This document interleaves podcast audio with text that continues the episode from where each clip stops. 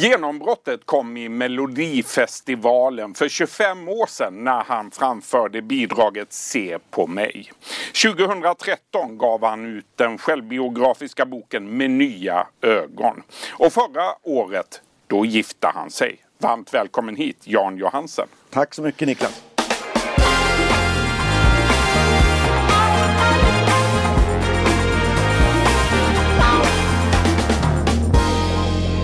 Jan, hur trött är du egentligen på låten Se på mig?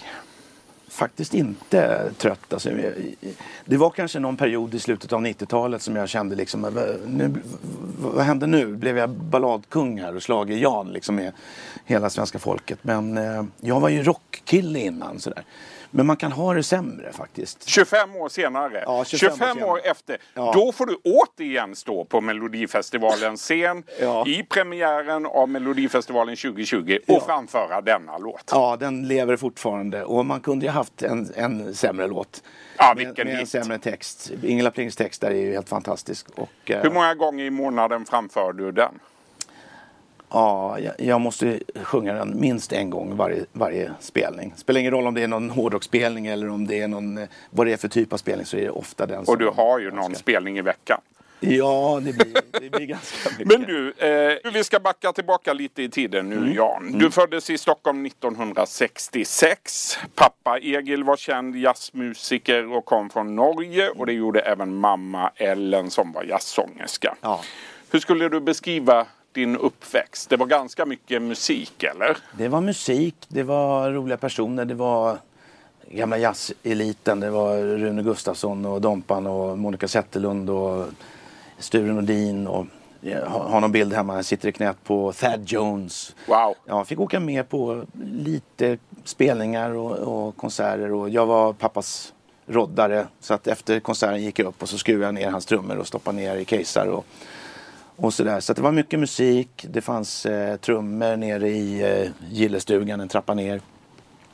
Och eh, så fort eh, jag kände att det var lite tråkigt så gick jag ner och så spelade jag.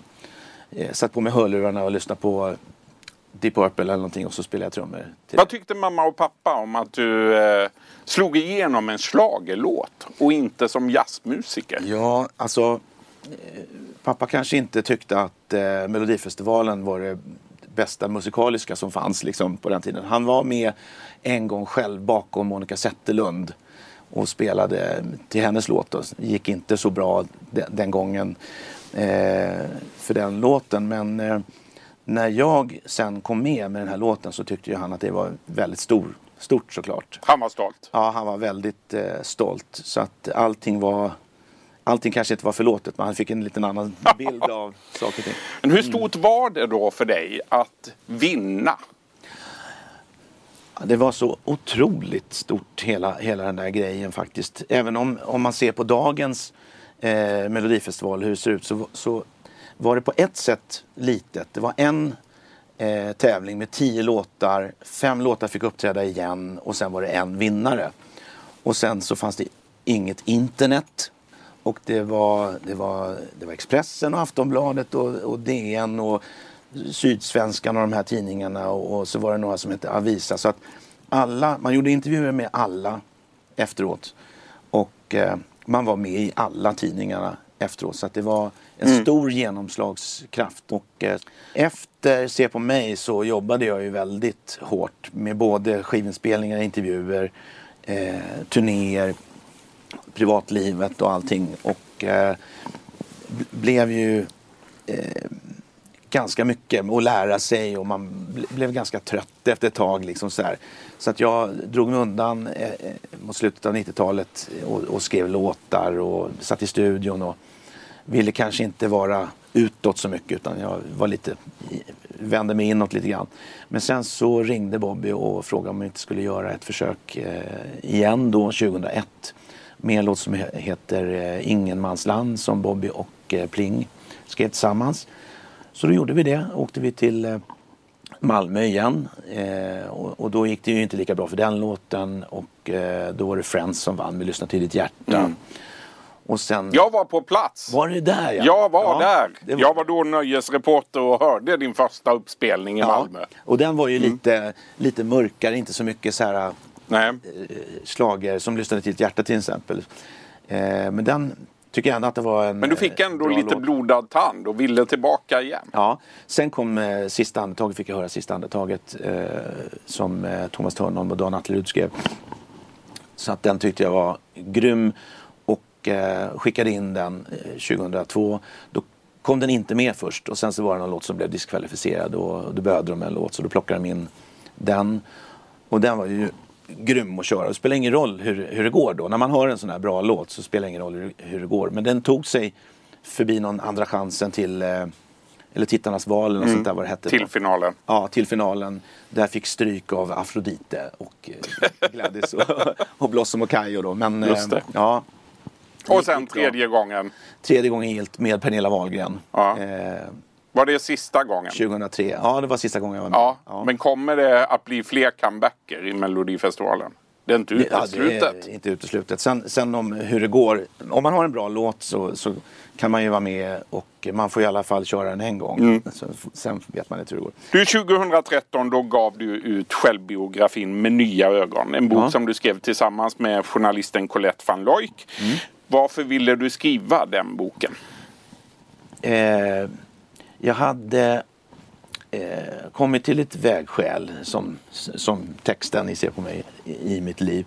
Där jag kände att eh, det går inte att vara uppe hela nätterna och festa längre. Liksom. Jag har gjort det några år och var kanske inte den som eh, smuttade på en liten eh, litet glas vin eller något sånt där. Utan Du det hade hällde i dig. mycket. Ja, det var ofta. Det var fredag, lördag och sen så var det kanske tisdag, onsdag liksom, när man kom hem på so mycket på sommaren och sådär. Men det var lite för mycket så att jag slutade eh, den 29 september helt då med alkohol eh, 2008. Så det är 11 år sedan nu. Och eh, då koncentrerade jag mig på mig själv och, och att eh, jag skulle bli bättre och, och, gick tillsammans med andra eh, på en eh, ja, öppen vård med, med terapeut och liksom så här, vi satt och pratade mycket om, om livet och, och gick igenom väldigt mycket och skrev som en uppsats från så tidigt man kan komma på och, och fram till idag. Då. Ett slags terapiarbete egentligen Ja, från början. Terapiarbete och gick eh, till eh, gemenskapen Mm. och, och, och du vet dela och säga de här sakerna om, om sig själv. Och, och, och då kände jag att när, vi, när man en gång ska göra en sån här djupdykning i, i sig själv så vill jag göra rent hus. Liksom, och, och det var väl det lite grann som jag påbörjade under den här terapin och, och det man pratade om på ja, möten och sånt där. Att man går igenom allting och jag är inte mer än människa. Jag, jag håller inte inne med någonting. Visar att jag är jag är också en människa som, som inte är långt ifrån, jag är långt ifrån perfekt och eh, eh, vi, vi är alla människor och, och lägga locket på olika saker känns det som att eh, eh, det kändes inte som att jag ville göra det då. Utan jag Vad kände, fick du för reaktioner på boken då? väldigt bra reaktioner från, från många som var lite grann i samma situation och kollegor och sådär. Tyckte att det var starkt gjort och eh, att det har hjälpt, hjälpt många att eh, kanske komma underfund med, med problemet själva och, och ta Det togs ett- emot bra i branschen.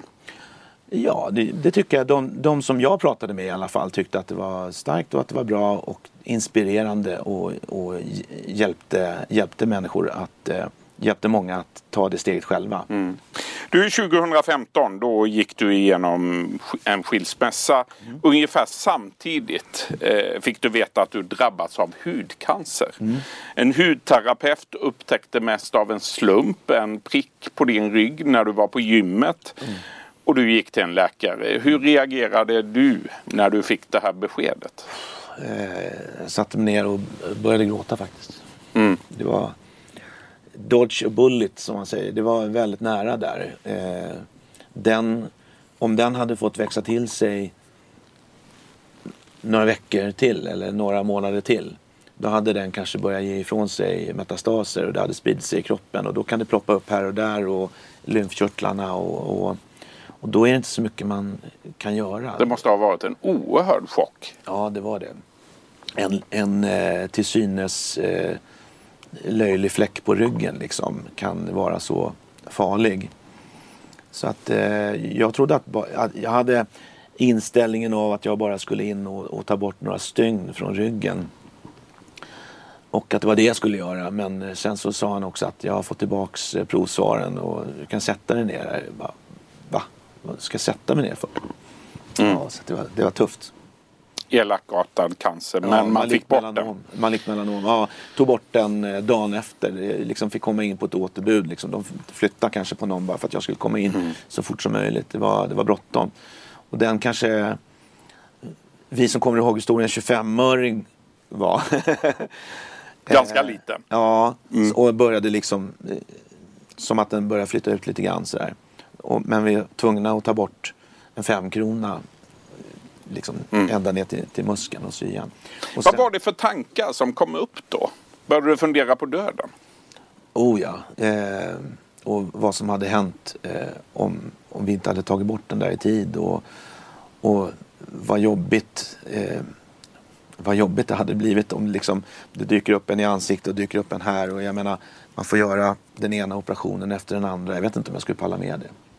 Du, ett halvår efter cancerbeskedet, då träffade du Jenny Sandberg. Hon mm. jobbar som samordnare på Akademiska sjukhuset i Uppsala och mm. i somras gifte ner. Ja. Hur stort var det? Ja, det var jättestort. Eh, vi tänkte från början att vi skulle ha något liten, litet bröllop men det växte och det blev, det blev väldigt, väldigt roligt. Och vi, vi eh, hade vi hade tänkt att gifta oss året innan men eh, Jennys föräldrar gick bort eh, eh, tätt in på varandra. Inom loppet av bara några veckor? Ja, eh, en månad emellan. Så att vi eh, sköt på det. Och då hade vi ju ett år efter de här begravningarna och den här jobbiga perioden så hade vi ett år att eh, fortsätta att planera och, och vilka vi skulle bjuda. Och, vilken och det var då bröllopet växte? Då växte det lite grann, ja precis. Ja. Och det blev 100, 130 eh, gäster eller något sånt där. Och det, vi var inte i kyrkan, vi var utomhus på Eklundshov i Uppsala. Och det var i maj och det hade ju typ snöat en vecka innan eller något sånt där. Så vi var lite, lite nervösa över vädret. Men eh, men ändå optimistiska. Och det mm. blev så 25 grader och jättefint och vi var utomhus. Och eh, Fantastic Four sjöng eh, liksom My Girl och Platters och, och lite sån musik som vi hade valt. Mm. Så det, det, blev helt suveränt. Du lämnade Stockholm, flyttade till Uppsala och där bor du idag? Ja, precis. Det är lite mindre, lite lugnare, mm. skönare. Och nu planerar ni för den där senare lagda bröllopsresan till Nashville? Ja, vi eh, drömmer om att åka till Nashville och eh, vi eh, hade det som önskemål liksom att, att mm. den, den, resan skulle gå dit. Hur ser det annars ut då? Om vi blickar framåt lite, ett halvår framåt i tiden. Vad har du på gång? Eh, jag kommer fortsätta att turnera så länge som publiken vill att jag ska komma och spela. Och det har jag gjort i, i många år nu. Jag har stått på scen i 30 år.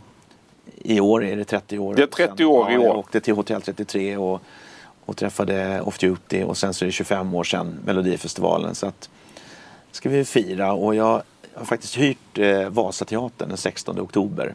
Så att vi ska släppa biljetter till det snart. Vad kul! Ja. Jag måste slå på stora trumman lite grann också. Vasateatern 16 oktober. 16 oktober. Ja, 30 år på scenen, Jan Johansen.